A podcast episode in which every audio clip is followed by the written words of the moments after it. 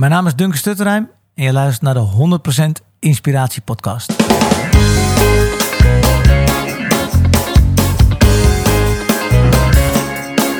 Hey, wat goed dat je luistert. Hij staat weer voor je klaar. Je wekelijkse dosis inspiratie is weer daar. De allerleukste gasten geven al hun kennis prijs. Met je veel te blije host, hij praat je bij. Zijn naam is Thijs. Thijs,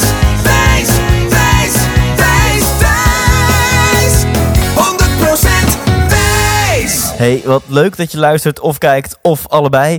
Hier is een nieuwe aflevering van de 100% Inspiratie podcast met niemand minder dan Duncan Stutterheim. Duncan is 47 lentes jong en hij is, nou in elk geval is hij topondernemer. Hij startte IDT. Dat betekent dat hij de oprichter is van festivals, van feesten zoals Sensation, Thunderdome en Mysteryland. Um, hij heeft het bedrijf inmiddels verkocht. Toen is hij een nieuw project gestart, de Edem Tower. En in het interview gaat hij over zijn allernieuwste project praten. En dat is het Westergasterrein. Zeg maar de Westergasfabriek in Amsterdam. Bestaande uit uh, 17 gebouwen. En uh, daar gaat Duncan uitgebreid over vertellen. Uiteraard niet alleen over ondernemerschap, maar ook over geluk, over succes, over de ups en downs van het leven. Want Duncan heeft hele hoge ups gekend, maar ook diepe downs. En wellicht ken je Duncan trouwens ook als een van de coaches van het tv-programma Dream School. Ook daar gaan we het over hebben. Um, ik vind het een hele toffe aflevering geworden. Duncan, bedankt voor je tijd en heel veel succes met de Westergasfabriek. Hopelijk tot ziens. En voor jou luisteraar, heel erg veel inspiratie gewenst. Hier is Duncan Stutterheim. 100% Dames en heren, tegenover mij zit uh, Duncan Stutterheim. Uh, hiervoor zit een, een, intro waarin ik jou heb geïntroduceerd. Maar mensen kennen jou wellicht als oprichter van IDT. Wellicht iets recenter van Dream School. En uh, nu ook met een heel tof project ben je bezig... waar je uiteraard meer over gaat vertellen hier op het uh, Westergasterrein. Ja. Um, maar laten we bij het begin beginnen. Voor jou nieuw, voor mijn vaste luisteraar een bekende eerste vraag. En dat is Duncan, wat wil je worden als je later groot bent? Nou, ik voel me al een beetje groot de laatste tijd wel. Ik word dit jaar 48. Ja. En het liep, ja, het houdt me wel bezig of zo nu. Uh, dat je ziet je ouders ouder worden. Ja. Ze leven gelukkig, allebei gelukkig nog. Ja. Ik, ik, zie mijn oudste dochter nu al bijna van school afgaan. Middelbare. Dus uh, ik, ik voel me al wel redelijk groot eigenlijk, moet ik zeggen. Ja. En ik heb niet meer zoveel uh, grote dromen of wensen. En heeft dat denk je te maken, hè, dat kan te maken hebben met je leeftijd. Je zegt ik word dit jaar 48. Ja. Of het feit dat jij zegt ik, ik heb niet per se hele grote dromen nog, heeft dat meer te maken met het feit dat je al hele grote dromen hebt gerealiseerd? Ja, dat, dat heeft er wel mee te maken. Ik, ik, ik realiseerde me heel goed toen ik Sensation in Rusland deed. En dat was, nou, nou noem eens dat, nummer 70. Of, ik, het was in ieder geval iets veel. En op een gegeven moment kwam er een soort besef en zag ik al die mensen komen en al die letters in het Russisch. En dan, toen stond ik in mijn eentje te kijken, al die mensen binnenkwamen. Toen dacht ik, shit man, het is, het is gewoon echt allemaal gelukt. En dus het, het, het was de eerste, een van de eerste keer in mijn leven dat, dat, dat er een droom gerealiseerd. Vaak zijn dromen natuurlijk dromen. Het gebeurt niet vaak in je leven dat je een droom realiseert. Ja. Zoals een voetballerdroom van de Europa Cup? Champions League winnen. Ja.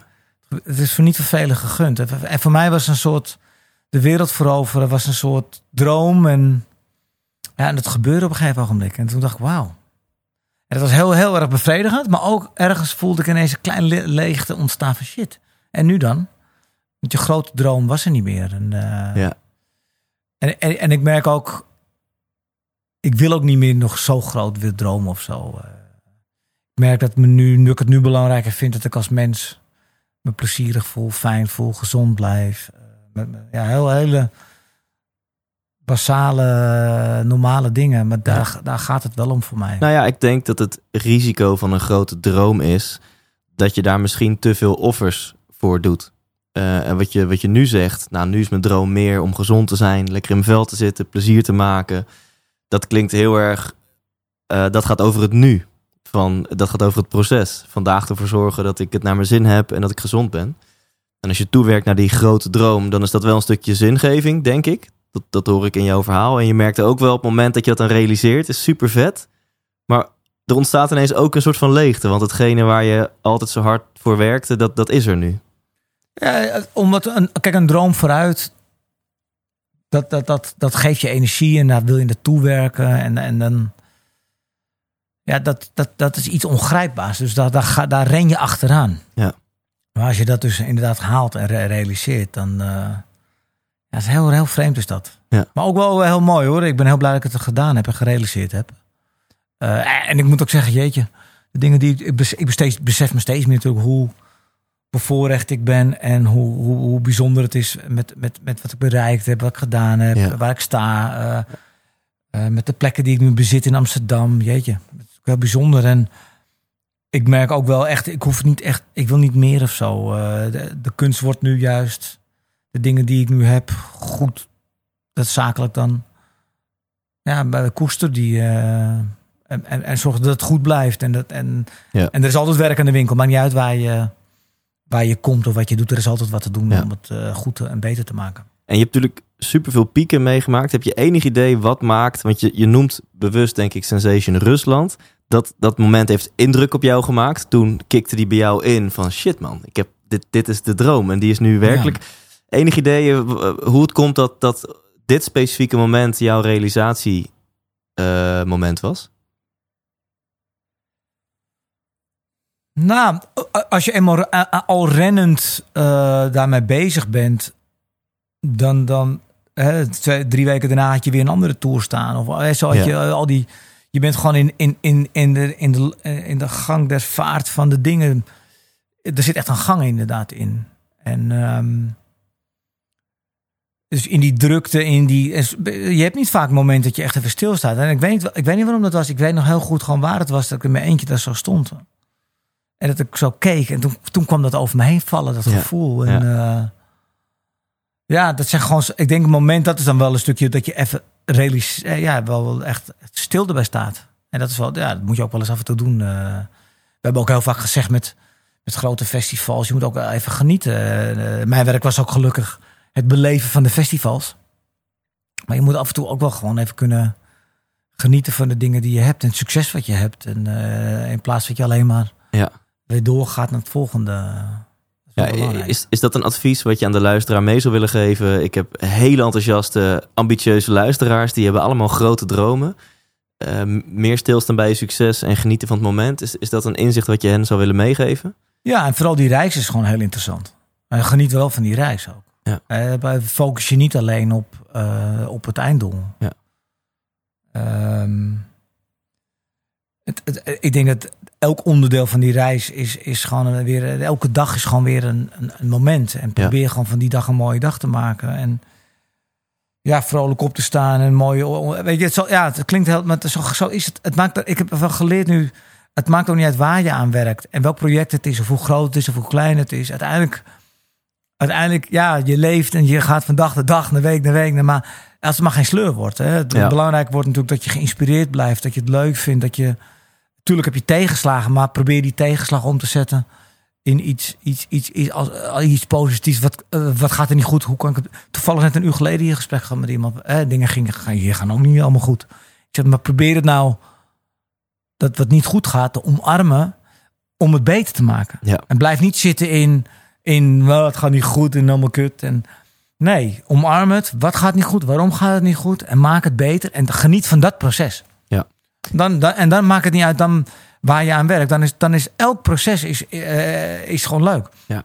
En, en voor de luisteraar die nu denkt van ja, ik, ik vind het super tof om te horen en ik hang aan zijn lippen, maar ik ben wel benieuwd naar wat dan Duncan's uh, journey is geweest, zeg maar. Uh, je hebt die droom gerealiseerd. Op welk moment is die droom ontstaan? Dus stel, ik zou een achtjarige Duncan spreken, zou die dan al tegen mij zeggen: Mijn droom is om de wereld te veroveren met dancefestivals? Nee, nee, nee. Mijn eerste droom was mijn serieuze droom was hersenchirurg worden, omdat ik een film keek op tv en de medische en iemand lag open op tv en vond ik echt interessant en ik was best wel slim en dus ik ben naar het gymnasium gegaan, echt met een, die idee ik ga dokter worden. Ja. Maar toen was ik 12, 13, 14. Ja. Ja, toen kikte bij mij ook de puberteit erin. Ja, en dan wijzige, uh, ja, ja. Nou, dan wijzige plannen in je leven. Ja, ja. En uh, ja, ik, ik ben toen ja, best wel van een hele brave leerling ben ik wel redelijk recalcitrante eh, puber geworden. Ja. Veel uitgaan, veel drinken, naar de F-site gaan. Eh, dus ik, ik maakte wel een redelijk heftige sprong. Eh, maar ja, mijn ambities werden bijgesteld naar het Atheneum. Ik bleef zitten, maar wel vijf Atheneum. En, en rond die tijd, mijn zestiende, begon een beetje de handel bij mij. En geld verdienen. En ik, ik vond dat wel interessant. En ook door de gesprekken thuis. Mijn vader zei altijd van... eh, ga niet voor de baas werken, doe iets voor jezelf. Of, eh, ik weet niet, hij heeft daar mij in gestimuleerd en geïnspireerd. Ja. Dus daar is een beetje het ondernemerschap gekomen. Dus ik had handeltjes, ik, had, eh, ik maakte overhemden. ehm, ik had nepkleding die ik verkocht. ja. Dus het was ook wel op de grens allemaal. Ja, ja. Maar het paste wel maar bij die 16-jarige leeftijd. Vuurwerkhandel had ik ook. Ja. Ehm, Allemaal een beetje op, op dat op de grensvlak. grens wel ja. van eh, wat wel kon en niet. Nou ja, dat, dat vuurwerk kon dus niet. Dat was heel duidelijk. Ja.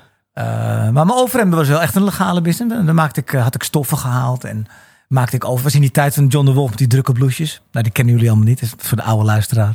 Maar het was een tijd ooit dat wij, eh, nou, we hebben het hier over 32 jaar geleden, dat hele drukke overhemden heel eh, populair waren. Oh, ja. Dus ik kocht rollen met stof en dan maakte ik, eh, dan ging naar de Turkse eh, ehm, eh, man, die maakte me over. En dat was wel, ja, ik werd- dus het handelen zat erin. Dus het ondernemerschap begon Ja. toen wel. Ja, ja. En toen ben ik om, gezakt voor mijn ateneum voor de tweede keer. En toen kwam het courieren, omdat ik autorijden leuk vond. Ik moest toch iets aan doen. Mijn vader zei, ja, misschien moet je maar gaan werken. Maar dat vond ik echt leuk. Dus ik heb ook echt autorijden heel veel gereden. Echt 100.000 kilometer per jaar. En eh, ik had best wel snel al een eh, mensen in dienst. En ik had op een gegeven moment na een jaar al drie auto's en een bus. En, dus ik was 19 en ik had, ik had gewoon drie mensen in dienst. En, Ja. het, ging best wel makkelijk af. En het ateneum dacht je, laat maar zitten. Ja, ik had eens gezakt voor de tweede keer. Acht jaar ateneum. Ik Nou, ik vind het Zo wel mooi. mooi. Ja, Ja, ja. Ik bedoel, acht jaar, ik merk het nu nog hoor. Als ik de schoolboeken van mijn dochter pak, kan ik het allemaal nog. En, dus ik vind acht jaar ateneum is wel een goede basis. ja. Eh, Dus zat daar geen angst van dat je dacht, ja shit, ik heb Nee. nog geen diploma. nee, nooit. Niet een tel. Ik heb nooit over nagedacht ook. Mijn vader ook niet. Ja. En, eh, gewoon, ja. Dus ik kom ook wel uit een beetje ja, werken. En mijn vader was ook zo. Die, eh, die, heeft zijn paar papieren nog in de avondschool gehaald. Ja. Maar die heeft het echt gewoon vanaf zijn jonge leeftijd gewoon eh, werken. Ja. Dus ik denk dat bij ons een beetje er wel in zat. Gewoon de werkmores. En eh, ja, met, met werken kom je wel een eind. Ja. Dan leer je ook gewoon wel veel. Ja, je kan natuurlijk school zien als... Is het einddoel van school dat papiertje? Of is het einddoel van school dat je hebt geleerd hoe je op een fatsoenlijke manier je eigen geld kan verdienen? En als het even kan met je passie. Nou, je hebt dan niet het papiertje gehaald, maar je hebt wel in die periode, mede ook door je nevenactiviteiten, geleerd hoe je voor jezelf kan zorgen en met leuke activiteiten Nou ja, je geld ik- kan verdienen. Eh, Nou, wat wel, mijn vorming is wel geweest. Kijk, Atheneum is natuurlijk een gymnasium. Het, het, het niveau is er wel. En, en, en mijn Nederlands is goed. En mijn, Ja. eh, en mijn Engels is goed. En mijn en wiskunde, het logisch denken. Ik kan goed logisch denken. Ja. Dus wiskunde A ging me heel makkelijk af. Eh, economie ging me wel redelijk af. Ehm scheikunde werd al wat lastiger. Maar ja, de- ik, denk dat, ik denk dat je gewoon die school... eh, ik denk het papiertje... Kijk, ik heb iets makkelijker... Ik weet niet. Ik was gewoon overtuigd van mezelf met werken. Dus ik had echt geen idee dat ik miljonair wilde worden of zo. Of ik, ik, ik, ik, ik vond gewoon werken leuk. Ik heb ook nooit moeite gehad met baantjes. Ik ben op mijn 16 ook gaan schoonmaken in, de, in het. En ik heb in de, scho- eh, de supermarkt in de PC gestaan. Eh, Dus ik, heb, ik vond werken en, en ja, heel erg natuurlijk. Ja. En al vanaf mijn 16 eh vond ik dat heel normaal. En ik had altijd geld in mijn zak. Ik had naast mijn baantjes dus al die handeltjes. Dus ik had altijd een paar honderd piek op zak. Ja, En eh, ja, ik was al, en ik had om 18 al een auto en, eh, en de helft zelf betaald. En mijn vader was, was een beetje de regel bij ons. Als je iets wil, de helft zelf. En, dus dat doe ik bij mijn do- eigen dochters nu ook. Dus jij- ik help ze wel, maar ze moeten ook wel zelf Ja. de- de waarde van geld gaan inzien. Dus ik denk dat dat een beetje mijn, mijn begin is geweest. Van dat toch het gewoon gaan doen en werken. Ja, en, dat, en de INT is gewoon per ongeluk geboren. Je, eh, we vonden gewoon die housemuziek te gek. En ja, je geeft een feestje op je... eh, op je nou, hoe oud was ik? Nog geen 20, 19. Oud en nieuw feest. Ehm, nee, 20 was ik. En dat vonden we leuk. 300 man is niks. Dus een feestje zoals we allemaal wel eens gegeven hebben, bij wijze van spreken. Je huurt een locatie, Je huurt een wat locatie, lampen. 350 man, en nieuw. We deden het met z'n achter of zoiets. Ja, dus daar, daar was het niet echt begonnen qua, qua business of zo. Maar wel, het, het zette wel bij mij, hey, wauw, dat is wel heel leuk dit. Het organiseren en eh, de flyer. Maar ik weet nog heel goed, dat, ja, dat, kan je nu nog herinneren. En toen gingen we op zoek naar een grotere locatie. Ja, en zo, zo is dat balletje gaan rollen. En Ja. het eerste feest was echt niet zo bedoeld, zo groot. Konden geen locatie vinden. Het werd in plaats van Amsterdam werd het Utrecht, omdat we niet anders konden. En omdat het Utrecht werd, dachten we, oh, het ligt in het midden van het land. Nou, dan kunnen we net zo goed heel Nederland promoten, want Utrecht ligt op een uur rijden. Ja. Dus zo ja, maak je van alles ineens. Ja, van het nadeel het voordeel. eh. en, zo, en zo begon dat feest. En een half jaar hebben we eraan getrokken. We dachten 5.000, 6.000 mensen gaan we trekken. En Ja, Oké, dus wegens het succes van dat oud en nieuw feestje voor 300 man, dacht je dit gaan we nog een keertje doen, maar dan voor we wilden 5, het 6. gewoon ja, iets groter, want we gingen zelf naar die loodsfeesten van 3000 Maar iets man. groter, eh 5, 6.000 man, dat is, dat is flinke ambitie. Nou, voor ons voelde het normaal, omdat wij zelf naar die loodsfeesten gingen van 3, 4, 5.000 man. Dus je had al die illegale raves en bedrijfspanden. En op de KNSM-eiland had je toen nog. En achter het centraal verzamelen. En, en wij gingen veel naar dat soort evenementen toe. En je had in Ahoy een feest gehad. En je had in, in de Statenhal een feest. Dus wij...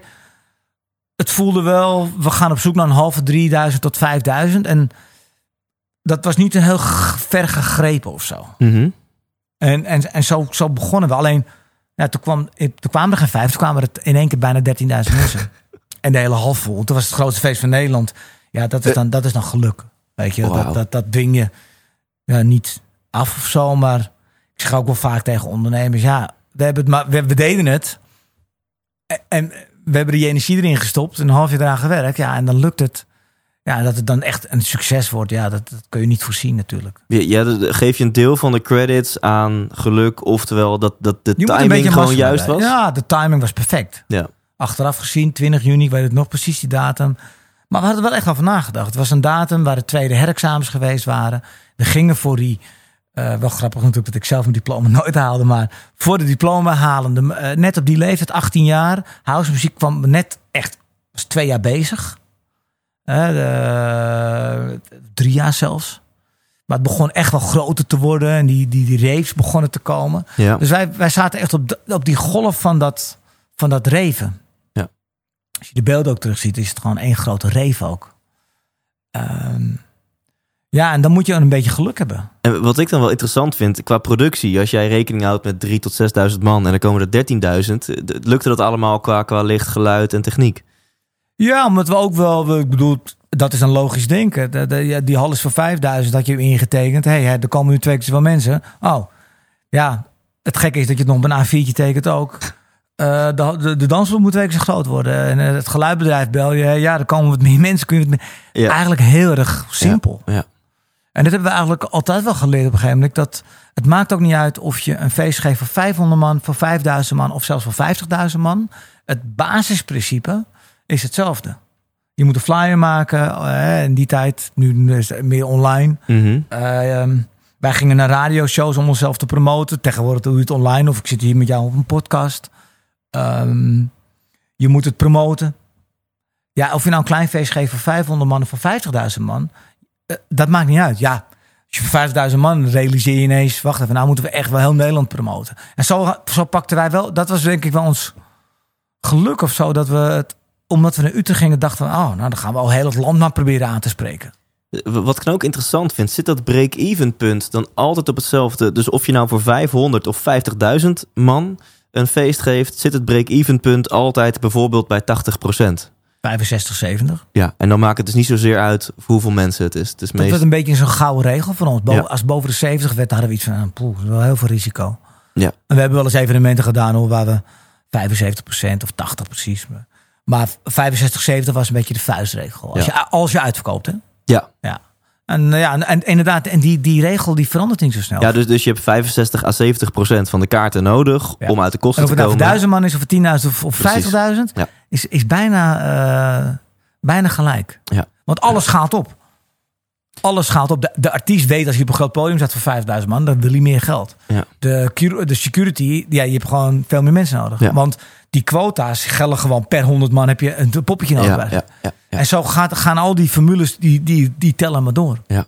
En in dit geval had je bij wijze van spreken 200% tickets verkocht hè, voor die 13.000 man. Merkte je toen ook onderaan de streep van... hey frek, dit is business. Er wordt hier geld verdiend. Ja, we, hadden- we hielden meer dan 100.000 schulden over. Cash. Eh, dan, eh, in die tijd had je geen voorverkoop. Ja, Dat haalden we dan op. En daarna ja, lag het allemaal voor ons geteld. En eh, ja, toen weet ik, we hadden voor mij 100, bijna 130.000 schulden verdiend. En eh, met z'n drietjes. Ja, als je twintig bent, is het natuurlijk mega veel geld. Zo. En, en ook nog, het, ja, toen kwam het besef natuurlijk ineens. Ja, jezus, ik kan een heel jaar rijden met mijn couriersbedrijf, maar dan haal ik niet eens 40.000 gulden winst. Ja, dus dat besef kwam al heel snel van shit, laten we, eh, dit, dit is wel en te gek om te doen en een passie. Laten we ermee doorgaan. En het volgende feest wat we deden was Tunderdam. En, en daar daar is natuurlijk ook enorm iets groots uitgekomen. Wauw. Dus Thunderdome was in feite het derde feest wat jullie organiseerden. Ja, het hele kleintje, dan de Final Exam en de eerste daarna was Tunderdam. Ja. En toen kwam eigenlijk die, die, die, die muziek begon zich te evalueren van rave meer naar hard. En toen begon de hardcore eigenlijk een beetje. Ja. Al vrij rap gingen die, die beats omhoog en de energie ging omhoog. En binnen een jaar, ik denk een jaar later, dat echt een grappig scene kwam. Ja. En de, wat was jouw rol? Was, zijn jullie met z'n drieën dit begonnen? Eh, het allereerste feestje met z'n achten, toen met z'n drieën. En de, de T, zeg maar, toen van IDT, Theo, ging naar het eerste feest weg. En eh, toen zijn Eer en ik doorgegaan. Met Thunderdome. Tot 94. En Misterland, dat ging helemaal mis. Toen zijn Eer en ik uit elkaar gegaan. Eh, en toen is Sander Groet mijn partner geworden. En dat hebben we tien jaar samen ongeveer gedaan. Ehm, ik ben heel lang, ja, eigenlijk ook bij IDT is bijna misgegaan toen, eh, tien jaar later, met de, Ja. in de radiotijd. Toen was al ons geld op. Ja, toen, toen brak er wel iets bij iedereen. En Sander had ook eens, ja, hier heb ik ook geen zin. Wel, Al ons geld was op en toen zijn we uit elkaar gegaan. Ja. Toen is Sander linksaf gegaan. Ik ben toen gefuseerd met Q-Dance. Eh, dus ik ben toen van 80% ondernemer naar 45% ondernemer geworden met partners. En eigenlijk is dat nog steeds, eh, tien jaar later, nog steeds mijn model. Ja. Ik ben eigenlijk nu wel een ondernemer in partnerships geworden. Ja. Nou, ik zou dolgraag willen inzoomen op de pieken en dalen. Ja, dan kunnen we, En- eh, als we willen, kunnen we hier nog vijf uur podcast ja, maken. ja, precies. Ja, maar, we hebben nog zeker een half uur, Ja. dus dat, dat wordt tof. Ehm, maar eerst nog eventjes dan over de successen. Al die, dit- is, is bijna niet normaal wat jullie hebben neergezet. Uh, Al is het gewoon aan cultstatus, aan iedereen kent Sensation, iedereen kent Thunderdome, iedereen kent Ja. Mysteryland. Ehm, ben, jij ook, ben jij ook het creatieve genie hiervan geweest? Van het bedenken van de, de namen van de feesten en het format. Hoe is dat, eh, hoe is dat achter de schermen gegaan? Dat is, wel, een- dat is een proces met meerdere.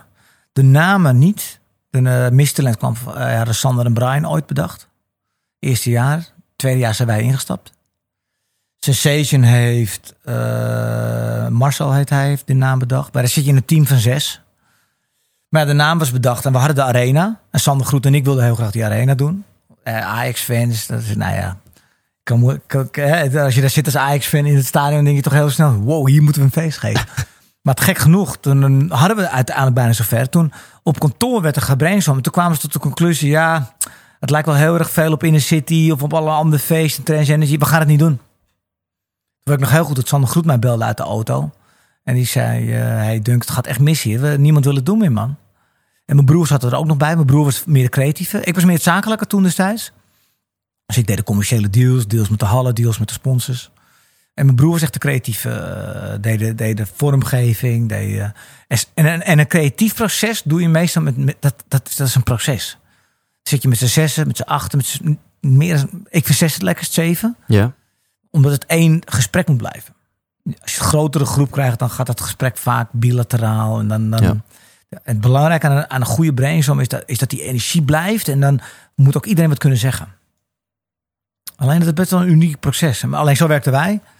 Uh, ja, en dan ben weet nog wel heel goed terug naar Wormerveer zaten we toen nog gereden. Nou jongens, één ding. Die arena gaan we doen. Dus we kunnen nog wel... En dat zijn wel momenten dat, dat je dan als baas, als eigenaar gewoon zegt... Hey, we gaan het gewoon doen. En ja. Sander wilde het ook. Dus Sander had 20%, ik had 80%. Ja. Dus de arena gaan we doen jongens. En de naam hadden we dan, Sensation. En toen kwamen we al heel snel op van ja... Als we het doen, moet het wel anders zijn. En dat, en dat is dan een proces met z'n allen. Ja. Uh, um, maar ja, ik, ik, ik, heb wel een paar creatieve uh, dingen echt op mijn naam staan. De Megamix heb ik echt bedacht. Ja. Uh, Mr. White heb ik echt bedacht. Ik, wil, ik, wil, ik had altijd een beetje moeite met die sterrenstatus van die, van die DJ's. Uh, ja, omdat ik vond, het, het, een DJ is natuurlijk wel echt een artiest. De kunstenaar, groot ook. Maar ik had toch wel soms moeite van, ja, soms als, je, soms als jij je ogen dicht doet en op de dansvloer staat. En jij vraagt aan degene wie staat er meer dan de helft van de mensen weet niet eens dan bij wijze van wie er staat. Ja. Dan maakt het ook niet uit wie er staat. Dus ik had soms wel, eh, had ik iets van, ja, als ik naar Mr. White, kan ik wel meer sturen daarin. En nou, toen hebben we onze eigen Mr. White bedacht. Ja, vet. Uh, En- en, qua creatief. En eh Ja. Chesto in Concert. Dat is dan wel. Wij, wij geloofden echt in. Jeroen Jans en ik hebben daar heel lang aan zitten werken. Ja, dat hebben wij echt bedacht. Voor hem. Wij zeiden nee, die DJ. Op de, we waren niet helemaal gek van DJ's of zo. Maar wij dachten, ja, Chesto, de Olympische Spelen. eh, eh, nee, is niet waar. Wij hebben eerst zijn concert gedaan. En van die DVD is hij daarna op de Olympische Spelen beland. Maar wij geloofden wel dat Chesto was toen zo'n grote DJ aan het worden. We gaan een concert om jou heen bouwen. Nou, dat zijn wel grote beslissingen Ja. geweest. eh. Dus eigenlijk zeg je, door ons toedoen heeft Chesto op de Olympische Spelen gestaan. Nou ja, ik- het- zeker dat hij het zelf natuurlijk. Eh, ik bedoel, ik ben niet die artiest. Ja. Ik sta niet op het podium, laat voorop. Eh, ik heb het altijd als een drie-eenheid gezien. De Ja. organisator, het publiek en de DJ. Eh, soms vinden de, de managers en DJ's en de, eh, dat wij een soort promotor zijn. Daar heb ik altijd moeite mee gehad. Ja, Wij zijn meer dan een promotor. Ja. Het is niet dat wij jou, want wij, wij bouwden, wij hebben gewoon eigenlijk die hele dance, die DJ op het podium gezet. Eh, wij hebben die DJ's met z'n allen groot gemaakt. Eh, En we hebben er hele shows omheen gebouwd, een hele Ja. DJ's. Totdat die scene mega groot is geworden. eh. En, en toen zijn DJ's ook zelf shows gaan doen. zou je, zou je dat graag willen? Zelf op het podium staan? Nou, mensen vragen wel eens, wat zou je in je tweede leven, als ik dat ooit zou mogen? Ik vind Chris Martin, vind ik bijvoorbeeld echt, eh, ik ben niet snel fan van iemand, maar van hem ben ik wel fan. Ja. Ik krijg echt kippenvel als ik zijn dvd's... eh, Ja, wat, wat maakt dat je... Dat je ja, ik vind Coldplay hoe hij... Ik speel een beetje piano en dat probeer ik. Maar ja, gewoon dat, die energie, dat hij dat over kan brengen, dat Ja. vind ik waanzinnig om te zien. En dat vind Ja. ik ook van DJ's knap hoor. En eh, Martin Garrix heeft het ook bijvoorbeeld. Ik, ik, ik was in Dubai en hadden we Sensation. En dan had je een paar DJ's. En toen kwam Martin Garrix. Ik weet niet hoe dat kan, maar dat hebben sommige DJ's dus. Die komen op en, en, en, en ik krijg bijna kip als ik het zeg weer. Ik weet nog heel goed dat die opkwam en we kijken naar elkaar. En het publiek in één keer bam. En het gaat gewoon twee keer zo hard los. Ja, daar weet ik wel hoe die jongen dat doet. Dat is dan toch de charisma Ja, die sommigen hebben. Hè? Ja. Freddie Mercury had dat. ja, Chris Martin heeft dat. eh, een paar bands hebben dat. Maar Ja. Red Hot Chili Peppers Ik vind het hadden fantastisch. dat. Ik vind ook dat- Metallica konden dat. ja. Het zijn er niet veel. En Martin Garrix heeft dat ook. Dus die ging staan, hij gaat en, en ik weet niet, woem. Ja, ja, dat Ja, vind ik, ik- ik, ineens, ik zelf ben, ik benijd ze niet hoor. Ik, ik, ik had, ik, eh, nee, ik heb nooit ambitie gehad om weer artiest te worden. En als mensen dit horen, dan, dan horen ze dat je eigenlijk supersnel succes hebt gehad. En ik ken heel veel ondernemers. Ik ga ook heel vaak naar seminars waar, waar ondernemers komen om weer nieuwe dingen te leren. En ja, de, de gemiddelde ondernemer of de gemiddelde persoon die ontslag neemt bij zijn baan en, en ZZP'er wordt of onderneming wil starten. Ja, dat valt vaak best wel tegen. Mensen merken, shit, ik ben al blij als ik eh 1 of 2000 euro per maand kan factureren. En dan horen ze dit verhaal, dat je naar je eerste feest eh 130k. Ehm, d- dan ben ik heel nieuwsgierig. Wat, wat deed dat? En natuurlijk ligt het genuanceerder, maar dat kan je ongetwijfeld dan het beste zelf vertellen. Maar wat, wat deed dat instant succes? Wat, wat deed dat met jou? Nou, ik, ik, weet nog heel goed dat ik bij mijn ouders... Ik woonde nog zelf bij me, in een garage bij mijn ouders thuis. En eh, we gingen het geld tellen achter in de kamer. Ik ben nog precies op een groene tafel. En eh, ja, ik weet niet. Het is ook een soort... Ja, dat zijn van die blijdschapmomenten die je nooit meer kwijtraakt. Eh, blijdschap wel. Een soort... Ja, ook wel een soort... ge- gelukt. En, en, en je, ja, alles kwam samen en in de krant. En we waren het grootste feest van Nederland geworden. En dan ook dat het geld verdienen. En hoe gaaf is het met, met een feest wat je zelf te gek vindt op je twintigste. Ja, Ja, ja Maar dat- dat het moet wordt natuurlijk- niet beter dan, weet dat je moet wel. natuurlijk met verleidingen en met valkuilen komen. Ook nog in een scene waar veel Ja, maar die wordt- eerste niet. Nee, oké, maar- eh, maar de- eerste ga je natuurlijk gewoon heel blauw erin. Ja, De, de eerste is gewoon, ja, wat ik zeg, daar hoort echt een pak geluk bij. Ja. Dat het allemaal maar zo samenvalt. Allemaal uit, dat het nog uitverkoopt. Noem maar op. Ja, dat is dat. dat ja, die neemt ze ook nooit meer van je af. Ja. Die eerste is ook wel een van de mooiste. eh. Ja. Dus op dat moment heb je nog niet zoveel valkuilen. Nee, maar ik, ik bedoel meer ook de periode daarna. Ik kan me voorstellen dat je bijna een identiteitsshift doormaakt. Want het ene moment ben je de, de, eh, heb je gewoon een chauffeursbedrijf en, en, en verdien je een, een, een prima salaris. En het andere moment ben je ineens een gevierd ondernemer in de dance scene. eh, met alle aanzien, met alle euro's. Ja, alleen ik maar. was daar wel nuchter in. Ik denk dat ook wel geholpen heeft dat we in Wormerveer zaten. Eh, wij wilden namelijk niet in Amsterdam zitten, omdat in die tijd had je nog geen eens mobiel. Ja. Ik kan me mensen niet eens voorstellen. hè, Maar ja, zo'n kist had ik, zo'n zo'n zo'n accu die je kon tillen. Ja. Maar eh, de, je had geen internet. Dus jouw informatielijn jouw, eh, was, was je telefoonnummer. Ja. en wa- en wat wij realiseerden uit dat we in Utrecht het feest gaven en, en Heerenveen, Dunderdam.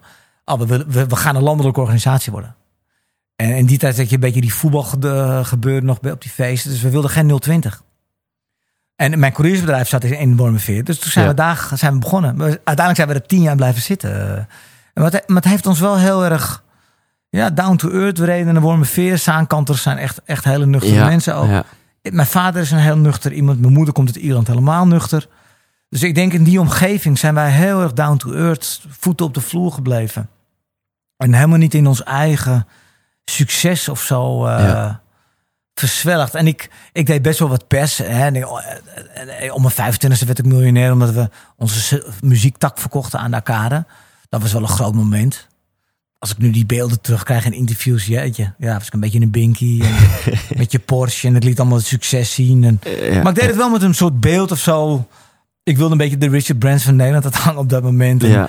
Een beetje het succes uitstralen. En eh, ik kan er nu achteraf een beetje om lachen wel. Ik, natuurlijk was het een beetje over de top. En ik had interviews in de paarse Lamborghini gegeven. En eh, dat was niet zo down to earth. dat niet, Eh, was niet heel verlicht. nee, maar...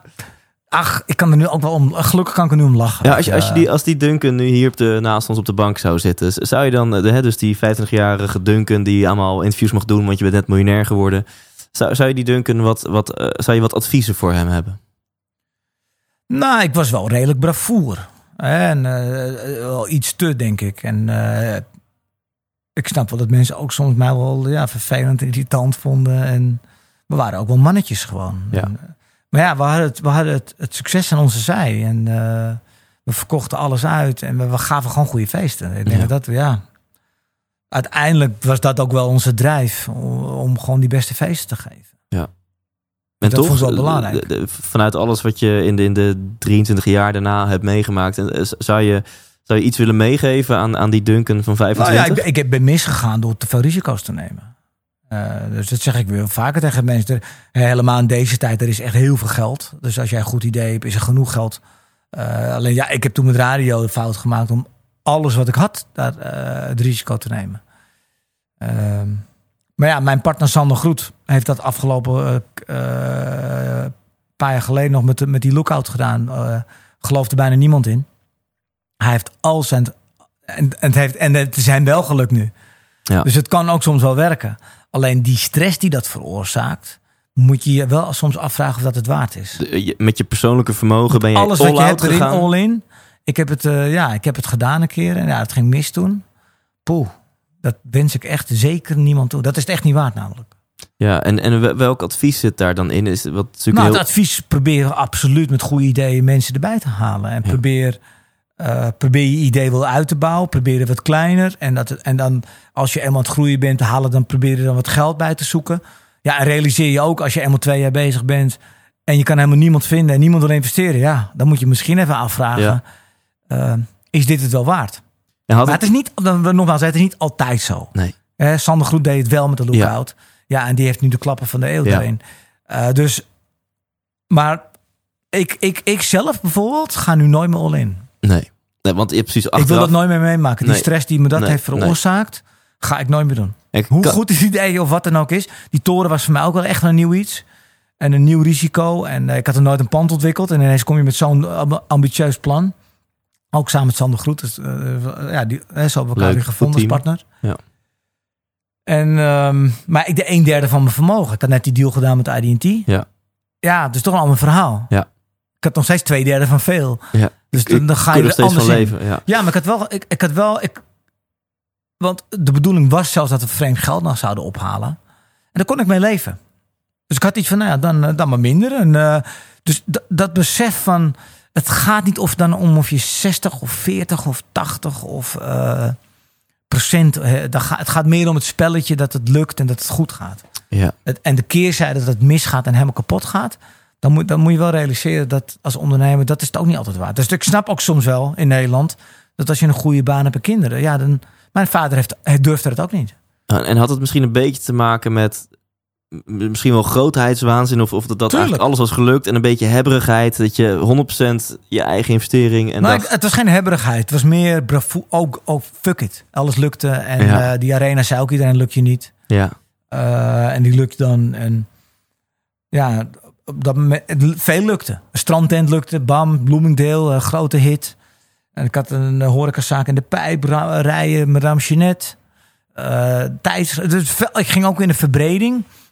Waar veel lukte. Maar ik heb ook de keerzijde meegemaakt dat er in één keer alles weer minder ging. Ja. En dat me, me, eh, Madame Jeanette... eh, trends komen, trends gaan in Amsterdam met horeca soms. Als je echt een trendy tent bent. Ja. Nou, dat heb ik, heb ik dus meegemaakt wat dat inhoudt. Ja. Een trendy tent hebben, ja. In één keer liepen ze naar een andere deur toe. Dus mijn mijn horecazaak ging minder. Mijn radio ging failliet. Uiteindelijk is het niet failliet gegaan, maar we waren bijna failliet. Ja, want het ene moment was, in, in de piek was IDT een miljard waard. Klopt dat? SFX. Ja, oh, SFX. Ja, dus we- toen we verkochten, hebben we twee derde cash genomen, een derde aandelen in een nieuw avontuur. Ja, Dus wij zijn toen opgegaan in SFX. En de bedoeling was dat we een wereldwijd groot bedrijf zouden gaan bouwen. Zoals Live Nation dat nu is. Diezelfde man heeft toen Live Nation gedaan. Die bouwde nu dit op. En wij wilden een conglomeraat wereldwijd bouwen met dancebedrijven. En daar geloofde ik echt in. Ik had daar echt zin in en tijd. En eh, ja, ik ging daar vol in. Ja. Maar ja, ik had het ook niet helemaal voor het zeggen. Eh, het was Amerikaans gestuurd bij ons privé Amerika vulde heel slecht voor ons. Onze kinderen waren echt niet blij. En althans eh, onze oudste dochter.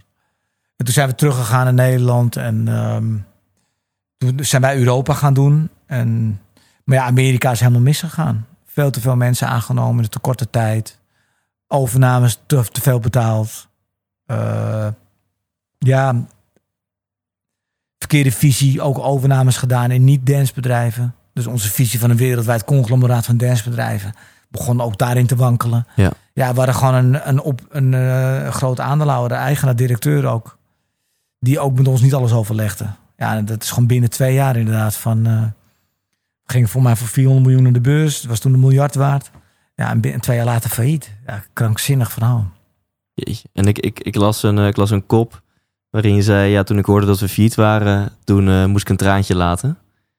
Hoe, eh, hoe, hoe was dat moment, hoe, hoe was dat voor jou om ja, dit, dit falen Nou zeg maar, ja, mee te ik, maken? Ik, ik, heb, ik heb echt een tegenslag gehad, ook letterlijk, doordat ik echt ziek werd. En ik ben dus in mijn hele leven nooit ziek geweest.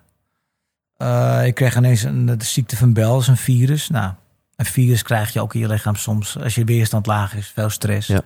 Nou, ik tikte al die boxes. Hè. Ik, de, je drinkt dan net wat meer, je feest net wat meer, je stress net wat meer. Ja, en bam, en, toen kreeg ik een eh, gezichtsverlamming.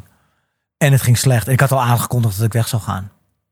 Eh, die, ik heb twee keer een brief geschreven dat we echt andere koers moesten varen. Moesten ja, die man wilde daar niet aan.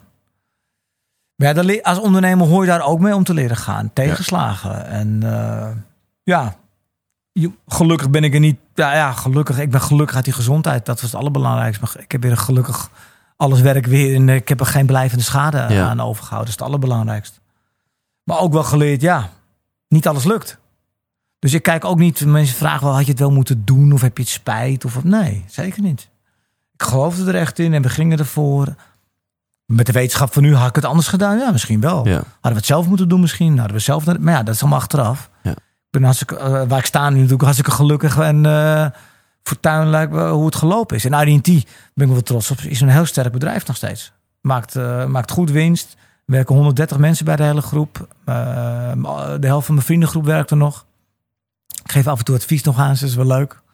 En ehm, maar ik ben trots om te zien dat daar nog een sterk bedrijf staat. Ja, dit, dit, misschien, ik kan me voorstellen dat, dat dit voor sommige mensen bijna te mooi om waar te zijn klinkt. Van, hè, je, je geeft aan nou, best wel grote tegenslag als je eh failliet gaat. En ehm Ja, het ging mooie je er echt zo makkelijk doorheen als het nu Nou klinkt? ja, of, of- nou ja, IDT ging niet failliet. SFX ging failliet. Dat Ja. was een nieuw avontuur. Ja, ik heb ook, eh, mijn radioavontuur is ook niet gelukt. En mijn, mijn horecazaak in de pijp is ook niet gelukt. En ik heb, we hebben recentelijk nog een keer een eh, ander restaurant geprobeerd. Ook niet gelukt. Ondernemen is een Nederlands woord. Voor mij, ik, ik, ik heb nu eens echt letterlijk opgezegd. Ik denk dat als je het gaat opzoeken, ondernemen. Ja, dingen proberen toch? Ja, Ja. daar staat ondernemen voor. ja, Eh, alleen je moet het proberen als ondernemer ook. Je gaat uit van natuurlijk dat lukt. Maar hè, dat was het advies wat ik net eh, daarin gaf. Ja, als, je, als het niet lukt, ga er niet helemaal persoonlijk helemaal aan kapot. Ja. Dat is belangrijk. En, en ja, maar en, volgens mij noem je maar nu dingen die niet lukken, moeten, dat, dat, dat hoort erbij. Ja. We hebben ook feesten gehad die niet zijn gelukt. Google heeft echt heel veel. Is een van de weinige bedrijven die ook openlijk is over ze, de, de graveyard van Google noemen ze het wel eens. Die hebben heel veel dingen die niet lukken. Dat hoort erbij. En Nederland is een beetje een Calvinistisch land daarin. Ja. Hè, waarin we dan heel vaak willen inzoomen op wat niet is gelukt. Maar dat geeft helemaal niet. Dingen, je moet dingen proberen. Als je niet lukt, als je niks probeert, dan komt er zeker niks. Weet je wel? Ja. Ja, dan moet je maar gewoon een baantje nemen bij iemand. eh maar ja, bij ondernemen hoort. Ja, de mooie momenten, slechte momenten. Ja, en volgens mij noem je nu de essentie. Want ik denk dat sommige mensen zo verenigd zijn met hun business dat het hun identiteit is geworden. En als het dan slecht gaat met je onderneming, gaat het ook slecht met jou persoonlijk. En, en ik hoor in jou dat je hebt geleerd in de jaren om, om er wat afstand van te nemen. Ja, ik hoorde eens met DJ's in documentaire. En mijn vrouw zelfs zag die documentaire. Ze zouden gaan filmen eh, over het succes van Sensation. Dat wilden ze filmen. Maar in die tijd, net toen de cameraploegen binnenkwam... want- en het was echt een, echt een documentaire. Dus echt een professionele ploeg. En onafhankelijk konden ze alles filmen.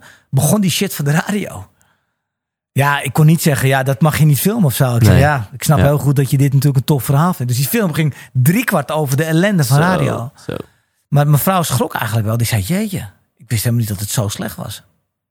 Omdat ik me best wel gerealiseerd had. Daarom ben ik, ben ik ook altijd graag een ondernemer die niet thuis werkt. Ja.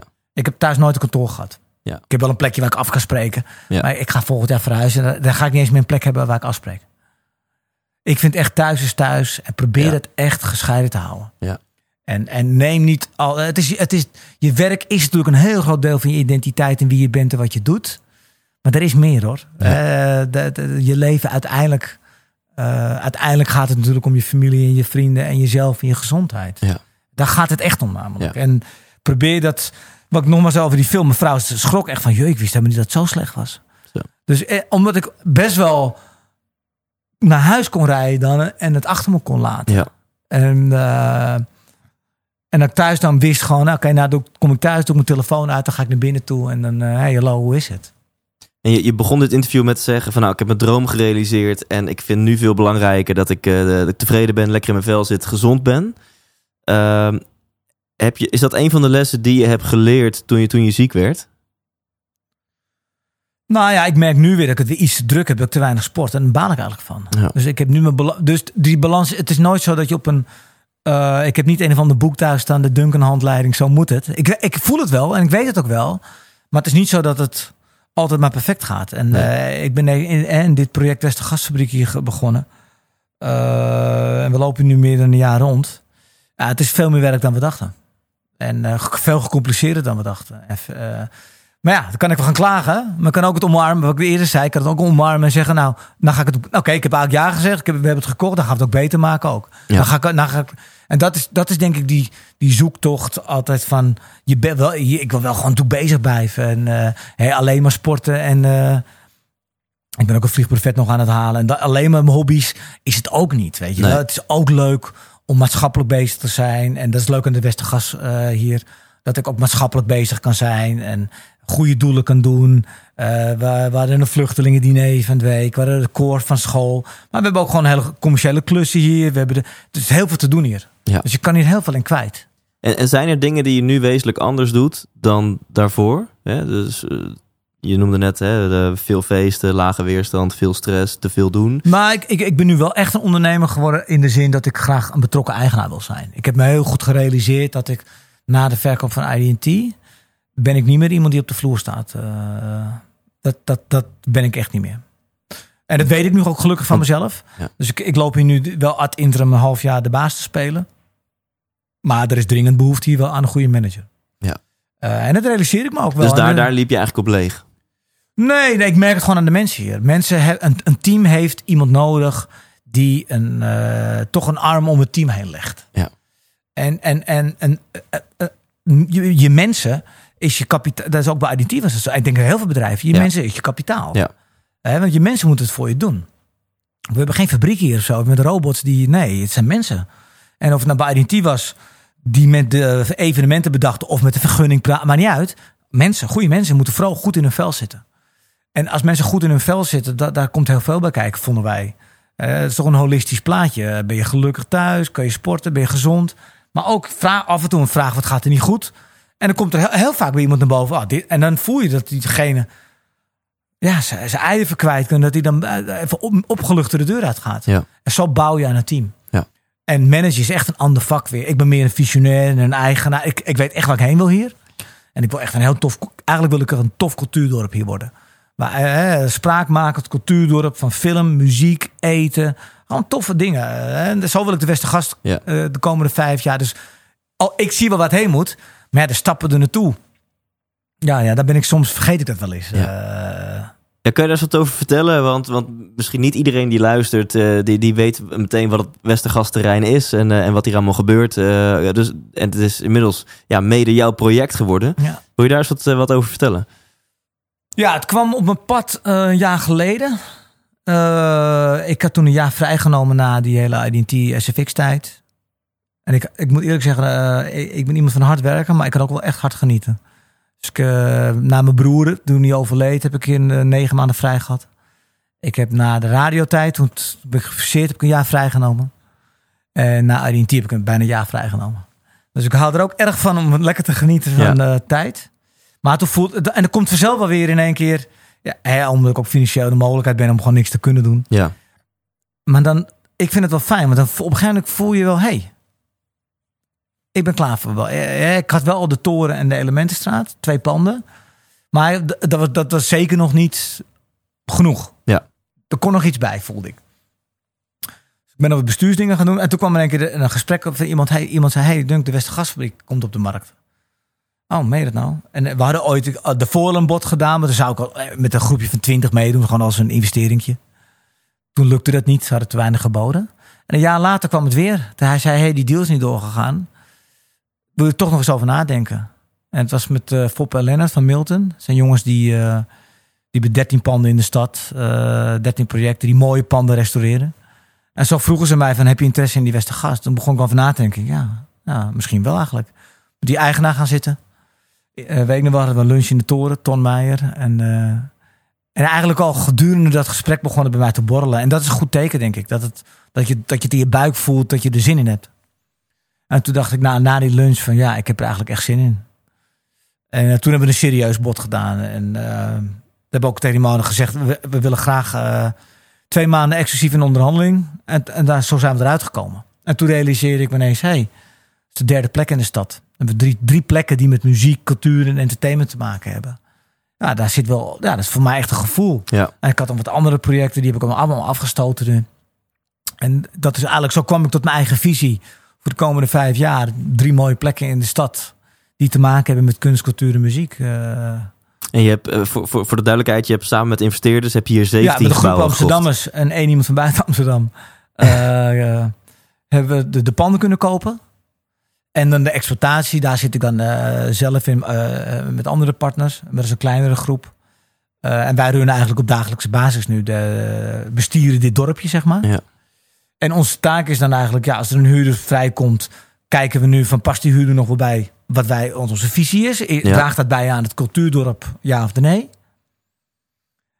Eh, en zo veranderen we de huurders. Dus we hebben Radio Radio hier nu. Nou, jongens die echt met muziek en nieuwe talent. Nou, dat past zeker bij ons.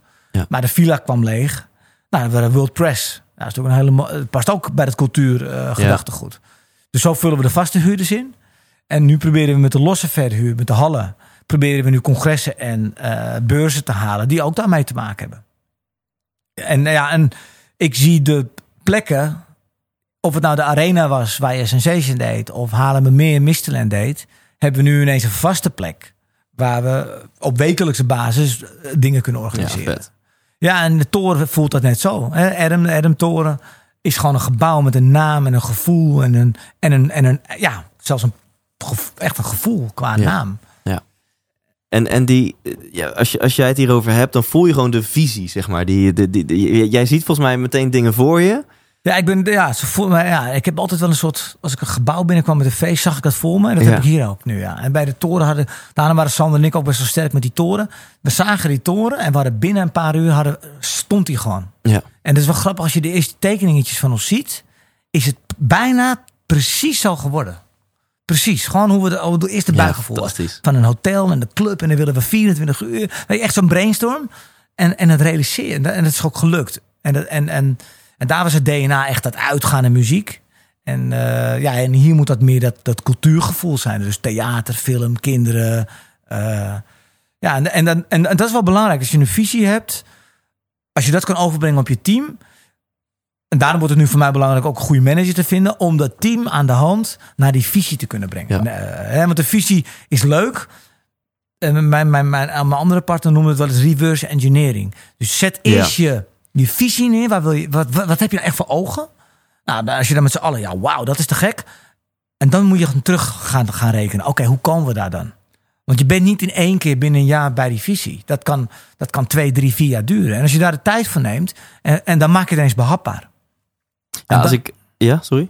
Ja, dan, dan voelt dat team ook van, hé, hey, we, we gaan stapjes. En dan ineens wordt het een hele... Want eerst kon ik kon wel eens vroeger een visie neerleggen en dat mensen het niet snapten. Zeggen, waar heb je het over? En dan heel laat pas, oh ja, oh ja.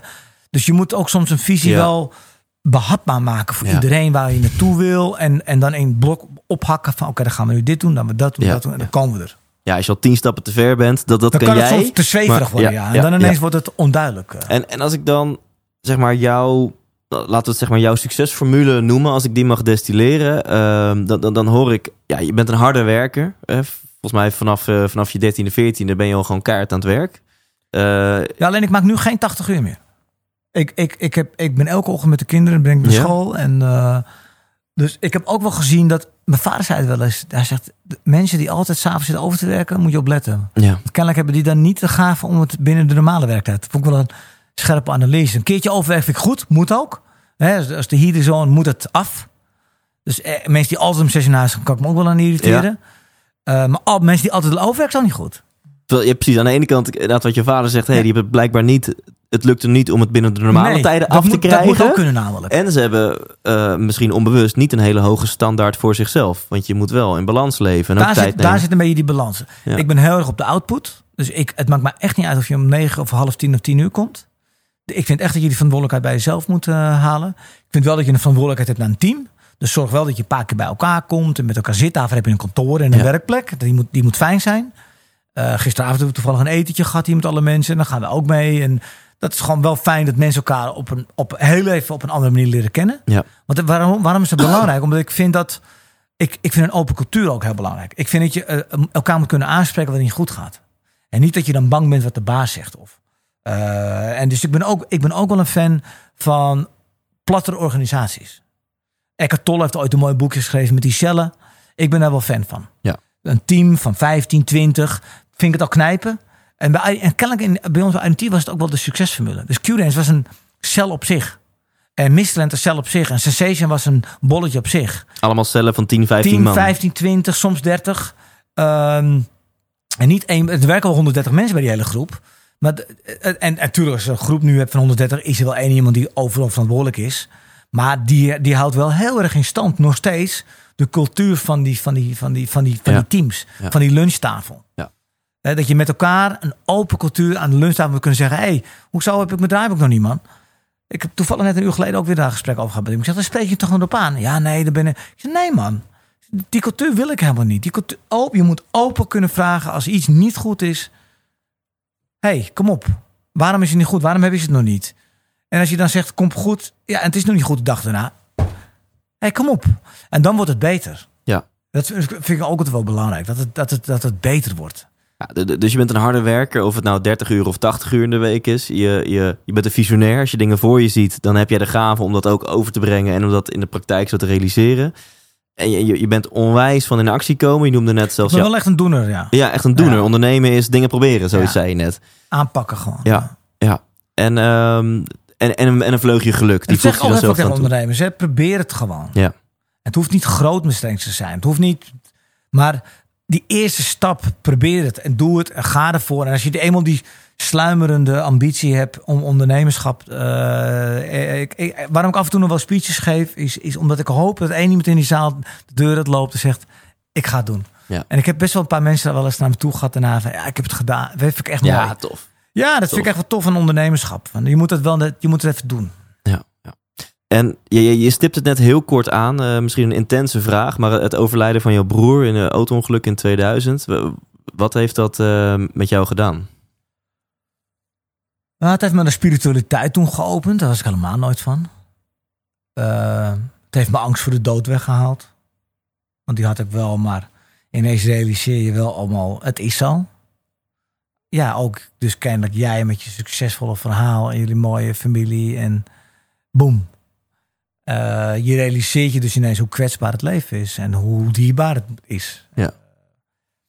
Dus je omarmt dat leven nog meer daarin. Um, ja, ik ben, ik ben wel iets opener geworden daardoor toen. En wat, ja. En ik had, ik had mezelf ook nog wel, uh, ja, jeetje, ik was, ik was best wel alleen. Ik, ik werkte toen wel iets te hard eigenlijk achteraf. Ik genoot iets te weinig van het, van het leven in de gewone dingen. Dat heb ik daarna ook wel meer gedaan. Ja. En ja, en, en, met zijn passie van zijn hele feest is het hele sensation toen neergezet. Dus dat heeft nog wel iets op dat punt iets heel moois neergezet. Ja. Uh, dus ja, het heeft op mij. Uh, ik heb zijn dood goed kunnen verwerken. En dat duurt wat tijdje. Het eerste jaar is het ook echt horror. Het tweede jaar wordt al uh, minder. Een derde jaar begint eraan te wennen. En, uh, en, mijn vader zei het wel eens mooi. Ja, je telt, je telt eerst in dagen, dan weken, dan maanden, dan jaren. En zo gaat het ook. En zo gaat zo'n verwerkingsproces. En ja. eerst ga je elke maand naar het graf. En ja, ik ben nu bij wijze van al een jaar niet geweest. Ja. Dus zo, zo ja, en, en je, je, angst voor de dood is, is minder of is weggegaan zelfs. Hoe, hoe, hoe komt dat? Ja, omdat je, omdat, je het, omdat je het zo nabij meemaakte. Dat het echt zo is. En dat het gebeurt. En dat het leven dus... Het leven is uh, ja, geboren worden, leven en sterven. Uh, ik ben het Tibetaanse boek van Leven Sterven gaan lezen. Dat opende ook wel een beetje mijn... Ja, dat je erover kon praten. En uh, dat de dood niet zo'n taboe was. En ja, omdat je het meemaakt. Ja. Ja, dat, van dichtbij. En, en spiritualiteit is een heel breed begrip. Op, op, op welk ja, ik geloofde wel dat er meer was. En de toevalligheden die er allemaal waren. En dat vond ik echt meer. Ik, hè, dus, dat is te kort voor om het nu even te vertellen. Maar er gebeurde zoveel waarvan ik dacht dat kan allemaal niet. En dus ja, ik, ik geloof wel ook wel, ja, toch wel dat het, dat het wel iets bijzonders is. En uh, zonder dat ik nou meteen uh, concreet in het hiernamaals geloof of iets. Maar ik had wel het gevoel van, wow, er, er is wel wat meer of zo. Het kan bijna niet. Ja. Dus dat, dat gaf mij wel een soort ja, positief uh, gevoel. Uh, ik ben geen atheïst of zo. Nee, nee, dus je bent... Daarvoor was je, uh, nou geef je aan, was je best wel bang voor de dood. En stond je niet heel erg open voor, voor spirituele dingen. En dat, dat heeft wel je ogen geopend. Ja. Ja, ja en ook wel echt gevoeld wel zo. En, ja. En ook het beseffen van het leven, dat het kwetsbaar is en dat het eindig is. Ja. Waardoor je dus nog intenser probeert te leven. Ja, precies. Dat, dat werkt denk ik per definitie relativerend. Uh, want je zegt het zelf ook al. Ja, ik besef dat ik toch al heel hard aan het werk was. Ik had er nooit gereisd. Ik had er nooit ja. verre reizen gemaakt. Ik had heel veel dingen niet gedaan nog die, die ik wel wilde doen. Ja. Dus dat, dat, en dat advies geef ik ook aan mijn dochters nu door. Dat reizen en geniet als je jong bent nog, ja. Van de, oh, kan je drie maanden naar de wintersport omdat je een baantje kan vinden en de snowboarden? Ja, ik zou het doen, weet je wel. Dat, dat kun je doen als je jong bent. Ja, ik deed het. Dat was natuurlijk. Ja. Ik heb ook wel een nadeel van dat ik mijn 18e begon met werken. Ja. ja, ik heb dat nooit kunnen doen. Ja. Ik heb nooit uh, met een surfboard uh, een paar maanden kunnen chillen. Uh, ja. Ik heb daarna wel goed ingehaald. een paar keer jaar ook nog wel geprobeerd te surfen. Maar ja, ik was ja. te oud. Het lukte me voor een meter. Maar het, dat zijn wel de mooie dingen als je jong bent. Ja. Dat je nog wel even moet genieten van dat soort dingen. En tot slot, want we moeten, we moeten gaan afronden helaas. Dream School. Uh, wat, wat is voor, de mensen die het niet kennen, het is een programma waarin uh, ja, zeg maar, probleemjongeren worden geholpen door een aantal BN'ers, waaronder jij. Uh, wat was jouw ehm, reden om daar ja op te zeggen? Nou, ik, ik heb het eerste programma, eerste seizoen zelf gekeken. Dat vond ik echt inspirerend. Dus het gevoel gewoon dat je zelf iets teruggeeft en uh, dat je dat toch iemand een kans. Ik ben heel erg, daarvoor, daarvoor geef ik ook die speeches, omdat ik wil dat één iemand met dat positieve gevoel de deur uit loopt ik geloof wel in het merocratische gedachtegoed dat je zelf die kans kan pakken. Uh, dus ik, daar geloofde ik in. Dit tweede seizoen met Dream School lag dat wel ietsje ingewikkelder. Uh, je merkte toch dat ik heb echt kansen proberen te geven. Ik heb ook contract aangeboden aan, aan iemand. Dat het toch wel moeilijker lag. Dat, dat sommige mensen toch wel meer hulp nodig hebben. Ja. eh, dan mijn hulp. En dat, daar heb ik het echt over uh, psychiatrische en psychologische hulp. Ja. omdat die mensen beschadigd zijn. Ja. En, en dus voor mij was het dit seizoen iets lastiger. En ik, ik, ik geef altijd iemand de kans. Ik doe minstens één of twee keer vraag mijn vrouw ook weer: waarom doe je dat nou weer? En waar heb je die weer geholpen? Omdat ik het leuk vind om af en toe iemand te helpen. En het kan met een baantje zijn, kan af en toe een keer met geld zijn, kan af en toe met op een plekje. Ik heb het met DJ's heel vaak gedaan. Gewoon een DJ die klein was, gewoon baf. Meteen groot opgezet en neergezet. En uh, iemand een keer bij wijze van spreken buffet voor hem opgezet, een loon gegeven. Ik zeg, ga er nou echt voor. En dan lukt het hem. Dus ik, ik, ik ja, en misschien toch dat gevoel dat ik zo bevoorrecht was en mijn vader mij die kans heeft gegeven. Ja vind ik het wel eens leuk om af en toe iemand te helpen. Dat, daarom wilde ik met Dream School graag meehelpen. Iemand toch, ja. hoop je dat iemand toch die kans pakt. Uh. Ja, ja, dus dat, dat is echt een bepaalde drive in jou om, om, om succes te delen of andere mensen ook de kans te geven die jij hebt gehad. Uh, alleen, ja, als iemand door wat voor reden dan ook te getraumatiseerd, te beschadigd is, dan, is het misschien, lastiger. Ja, ja, dan is de sprong misschien te groot. Uh, om zelf die kans te kunnen pakken. Ja. Om zelf die kans echt goed te kunnen pakken, moet je wel zelf ook lekker in je vel zitten. Ja. Hè, dan moet je zelf. Ja, en als je, dat nou, als je daar een moeite mee hebt om, om op tijd op te staan en om. Uh, ja, je moet wel tegen, je moet wel tegen, als je een baan hebt, moet je wel tegen kritiek kunnen natuurlijk. Ja. Ja, dan kan je niet na, dan kan je gewoon niet na een dag opzeggen al. Ja.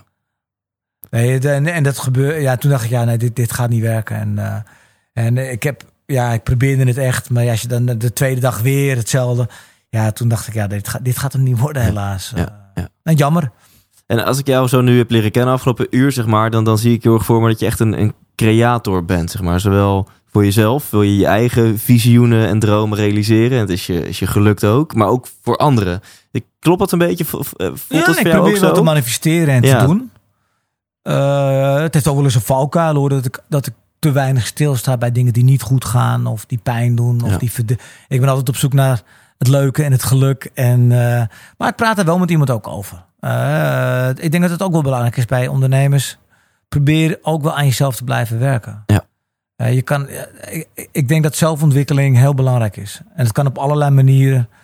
Het hoeft niet altijd spiritualiteit te zijn. Het, het, kan ook coaching zijn. Het kan wandelen zijn. Het kan de natuur in zijn. Het kan, ik denk dat het wel belangrijk is dat je, dat je af en toe wel even met jezelf incheckt. Uh, sta ik er nog goed in? Zit ik lekker in mijn vel? En waarom zit ik niet lekker in mijn vel? Of niet? En dat is wel belangrijk. Ja, tof.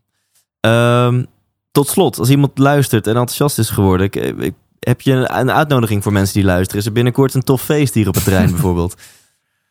Uh, nou, 17 mei. Dat is, ik weet niet wanneer de uitzending is. Ja, volgens mij gaan we deze voor die tijd uh, de nou, 17 mei hebben we ons leuk klein eerste evenementje in het theater. Leuk. Waarbij we ook een beetje aangeven wat we gaan doen hier op het hele terrein. Dus 17 mei is leuk om even te kijken leuk. wat er gaat gebeuren. En, uh, en daar, daar, kunnen mensen kaarten gaat ook de hele website los. Westergast gaat uh, los. Westergast.nl. En, uh, ja, een beetje ons nieuwe gevoel voor de komende tien jaar, hoop ik. En ongetwijfeld deel jij op je socials alle ontwikkelingen. Ja, ik, ik merk wel dat ik zelf iets, iets minder... Ik ben meer betrokken bij Amsterdam. Ja? Dus ik deel meer over Amsterdam en over Ajax en over oh, ja.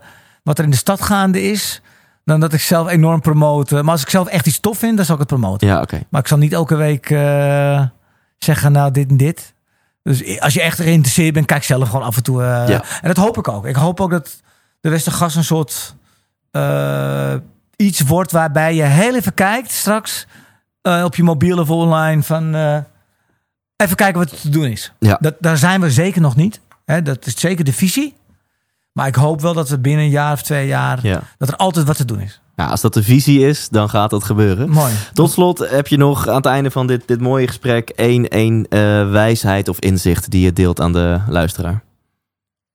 Nou, ik heb er twee. Eén is van mijn vader. Zien wat iedereen ziet. En doen wat niemand doet. En dat is bijvoorbeeld dat wij toch die arena deden. Of zoals mijn partner in de lookout. Iedereen dacht, nou, dat kan toch niet? En hij, ja zo'n uitzichtdek bouwt. Ja, nu is het gewoon een top 10 attractie in Amsterdam geworden. En de andere is, uh, ja, het klinkt heel simpel, maar toch, ja, doe het gewoon. Weet je, probeer het idee wat je hebt, of en je hebt toch het sluimeridee van ondernemerschap, geef het een kans. Probeer het. En uh, zorg ook als het misgaat dat je niet helemaal onderuit gaat, maar geef het een kans. Ja. En uh, dan kun je zelf in ieder geval tien jaar later terugkijken, nou, of het is gelukt. Of het is niet gelukt, maar dan heb je het in ieder geval geprobeerd Ja. en dan weet je het ook. Dan heb je in ieder geval de vrede mee. Ja, tof. Dankjewel man. Graag gedaan. 100% wijs! Yes, thanks voor het luisteren naar deze aflevering. Volgende week staat er gewoon weer een nieuwe aflevering voor je klaar. En onthoud, check ikwilgeluk.nl als je nieuwsgierig bent naar mijn grootste inzicht aan de hand van dit interview. Of als je gewoon kosteloos mijn e-book wil ontvangen met acht van de grootste lessen die ik heb eh, opgedaan aan de hand van de eerste 75 interviews. Dus check daarvoor ikwilgeluk.nl. En sowieso zet volgende week gewoon weer Spotify, iTunes of YouTube aan. Of waar je deze podcast ook beluistert of bekijkt. Want dan staat er weer een aflevering voor je klaar. Leef intens.